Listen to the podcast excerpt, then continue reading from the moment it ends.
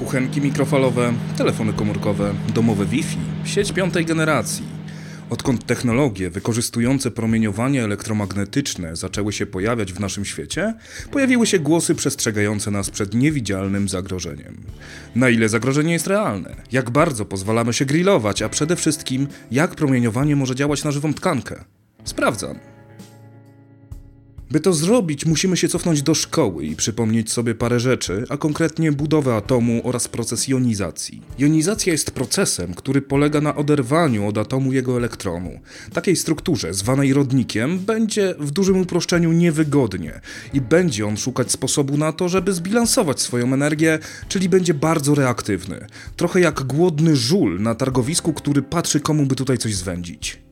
I takie żule krążą cały czas po wszystkich organizmach i nie tylko, w nieskończonym tańcu na poziomie atomowym. Problem zaczyna się jednak wtedy, gdy wskutek promieniowania jonizującego lub rodników oberwie nasz łańcuch DNA. Zmiany mogą być zbyt subtelne, by zostały wychwycone przez nasze mechanizmy obronne, a jednocześnie wystarczająco duże, by powstała mutacja, która prowadzi m.in. do powstania komórek nowotworowych. Świetnym i dość łatwym do zobrazowania przykładem jest dym papierosowy, który w wyniku spalania zawiera w jednym buchu około biliarda rodników, które wprowadzamy do naszego organizmu, a każdy z nich będzie starał się zareagować z pierwszym atomem, na który trafi. Ale jonizacja wymaga energii i to energii nie najmniejszej. Materia nie rozlatuje się z byle powodu. Promieniowanie elektromagnetyczne traktowane jest jak strumień fotonów. Potrafimy dokładnie obliczyć energię każdego fotonu, jest ona zależna od długości fali lub też inaczej jej częstotliwości. W konsekwencji zatem możemy wskazać konkretne liczby, które prowadzą do jonizacji. Liczby, nie liczbę, ponieważ różne atomy i cząsteczki wymagają różnej energii, by elektron im oderwać. Na tej podstawie określamy normy emisji urządzeń wykorzystujących promieniowanie elektromagnetyczne, zaś naukowcy głowią się, jak przesłać sygnał lub podgrzać pomidorówkę w granicach tych norm. Żeby ogrzać cząsteczkę, należy ją nieco rozedrgać. Okazuje się, że by podgrzać pomidorówkę wystarczy energia mniej więcej milion razy mniejsza od tej, która byłaby potrzebna do zjonizowania cząsteczki wody i około 400 tysięcy razy mniejsza od tej, by zjonizować jeden z najbardziej wrażliwych na to pierwiastków, czyli cez. Jak wspomniałem, rozrywanie materii to nie w kij dmuchał. Otoczona już kilkoma dziwnymi legendami sieć piątej generacji, która powoli wchodzi na rynek, operuje na wyższych częstotliwościach, co daje nam możliwość upakowania większych ilości danych, a w efekcie więcej gigabitów na sekundę. Oczywiście większe częstotliwości zbliżają nas do promieniowania jonizującego, ale nie osiągając go, nie uczynią nam krzywdy. Gdy trzymamy dłoń przed włączoną piłą mechaniczną w odległości 50 czy 5 metrów, nie ma różnicy. Musimy jej dotknąć, by nas poharatała. Sieć 5G nie różni się od swoich poprzedniczek i dalej operuje w bezpiecznych wartościach. Zamiast szukać niewidzialnego wroga, czasem warto rozejrzeć się wokół. Nasze światło słoneczne klepie nas promieniowaniem ultrafioletowym, które miesza nam w organizmie i jonizuje składowe naszego ciała. Pamiętasz, jak mówiłem, jak palenie powoduje zmiany nowotworowe w płucach? Na tej samej zasadzie słońce bombarduje naszą skórę, powodując jej uszkodzenia i nowotwory. Filtry UV to naprawdę pożyteczne wynalazki. No ale skoro wiemy już, jak zagotować pomidorówkę, to dlaczego mielibyśmy nie zagotować ludzkiego mózgu? Nasze ciało składa się w większości z wody, więc czy można ją nagrzać telefonem, routerem Wi-Fi czy pobliskim BTS-em? W 1998 roku przeprowadzono serię eksperymentów, które sprawdzały, jak zachowuje się materia organiczna poddana promieniowaniu. Wprowadzić tutaj musimy współczynnik SAR, czyli miarę mówiącą o tym, jaka moc jest pochłaniana przez organizm, gdy działają na niego fale, na kilogram masy ciała. Szczególną uwagę badaczy przykuło oko, które w odróżnieniu od innych narządów niezbyt radzi sobie z regulacją temperatury i oddawaniem ciepła, a przegrzanie go może powodować zaćmę. I istotnie, po ponad dwugodzinnej ekspozycji na promieniowanie o współczynniku SAR dochodzącym do 140 W na kilogram udało się osiągnąć wysoką temperaturę mogącą powodować patologiczne zmiany w tkance. Całe szczęście, że telefony komórkowe mają moc od 100 do 300 razy mniejszą. Gdy mówimy o urządzeniach, których nie trzymamy w kieszeniach, musimy raz jeszcze otworzyć podręcznik do fizyki, w którym dowiemy się, że natężenie promieniowania maleje jak kwadrat odległości od źródła promieniowania. Czyli gdy oddalimy się od źródła, natężenie spadnie bardzo szybko. Jest to tak zwane prawo odwróconych kwadratów. Tak samo jak zapalimy zapałkę tuż przy ścianie, zobaczymy jej odbite światło całkiem dobrze, lecz odsuwając ją, szybko stanie się ledwo widoczne.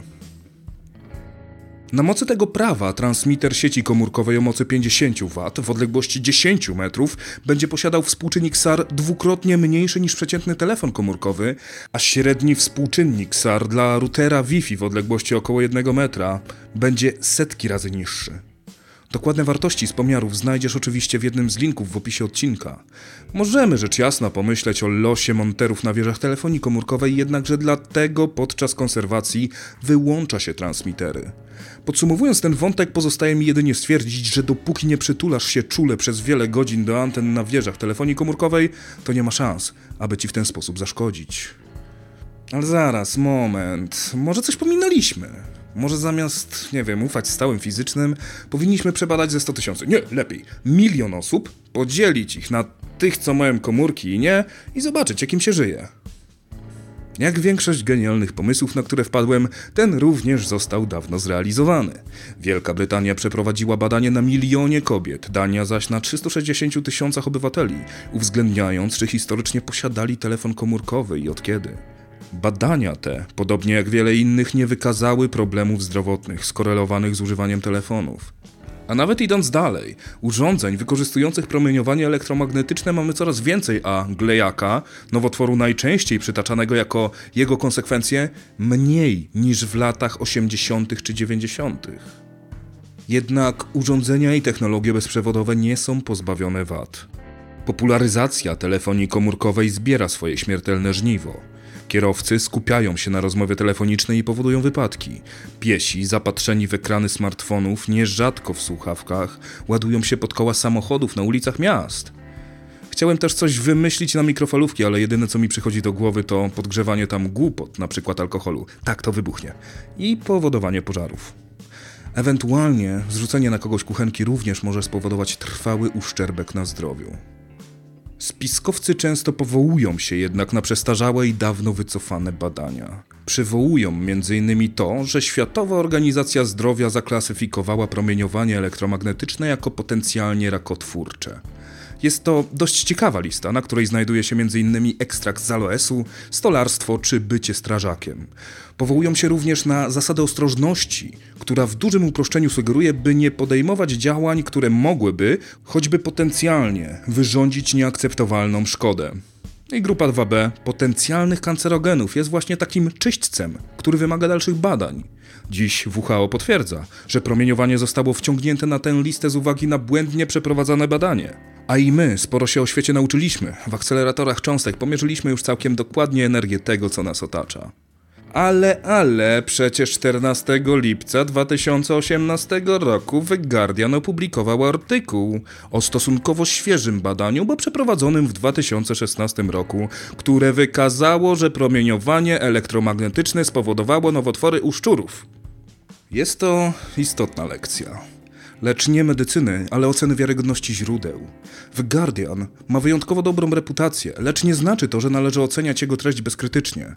Gdy przyjrzymy się wynikom badania, okazuje się, że popełniono w nim dość zaskakujący błąd. Średnia długość życia szczura laboratoryjnego rasy Sprague Dowley, jakie użyto w badaniu, wynosi od 2 do 3 lat, a badanie oceniało stan zdrowia szczurów po dwóch latach, na początku schyłku ich życia. Oprócz tego szczury poddane promieniowaniu cierpiały na nowotwory. Tak, jednak szczury z grupy kontrolnej zdychały dużo wcześniej. Jeden logiczny wniosek, który z tego płynie, jest taki, że stare szczury chorują na nowotwory. Można się jeszcze pokusić o stwierdzenie, że promieniowanie elektromagnetyczne przedłuża życie, ale może zostanę przy stwierdzeniu, że po prostu badanie zostało źle przeprowadzone. Nie odnieś jednak wrażenia, że klasyfikacja wiarygodności danych powinna zależeć od tego, czy pasuje nam źródło lub też wynik badań. Sam, raczej ufając Guardianowi, teoretycznie nie powinienem szukać dziury w całym. Ponieważ jednak wnioski tam stawiane stały w całkowitej sprzeczności z tym, co wiemy z innych badań, należało zajrzeć do tej publikacji i upewnić się, czy stoją za jej wnioskami dostateczne przesłanki.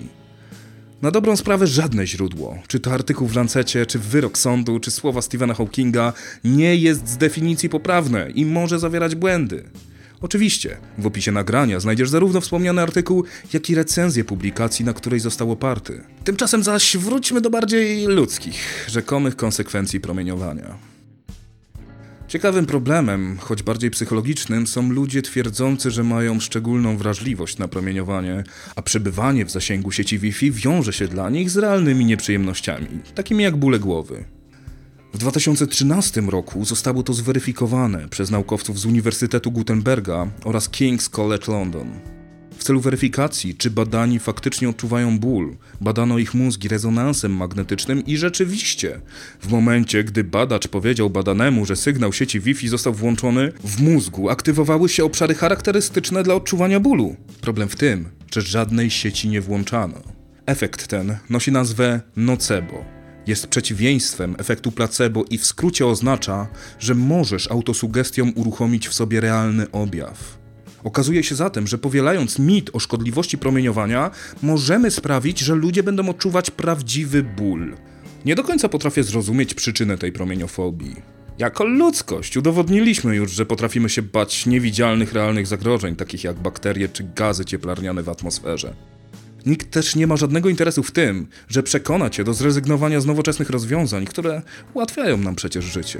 Nie chce mi się też wierzyć, może troszkę naiwnie, że mamy do czynienia z neoluddyzmem, którego wyznawcy dziś będą niszczyć routery tak samo, jak 200 lat temu niszczono pierwsze maszyny tkackie. Jedyne co mi przychodzi do głowy to komfort spowodowany fałszywym poczuciem bezpieczeństwa, gdy wyłączamy Wi-Fi i zastąpimy je kablem.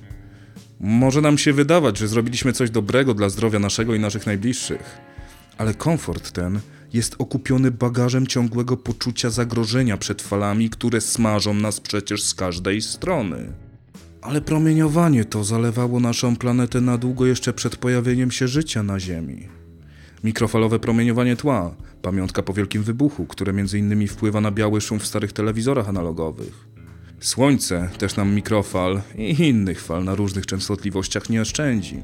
Gdyby ryzyko promieniowania byłoby choć w części takie, jakie się je czasem przedstawia, strasząc ludzi, to nie tylko nie powstałaby nasza cywilizacja, ale w całym wszechświecie nie mogłoby powstać życie, jakie znamy.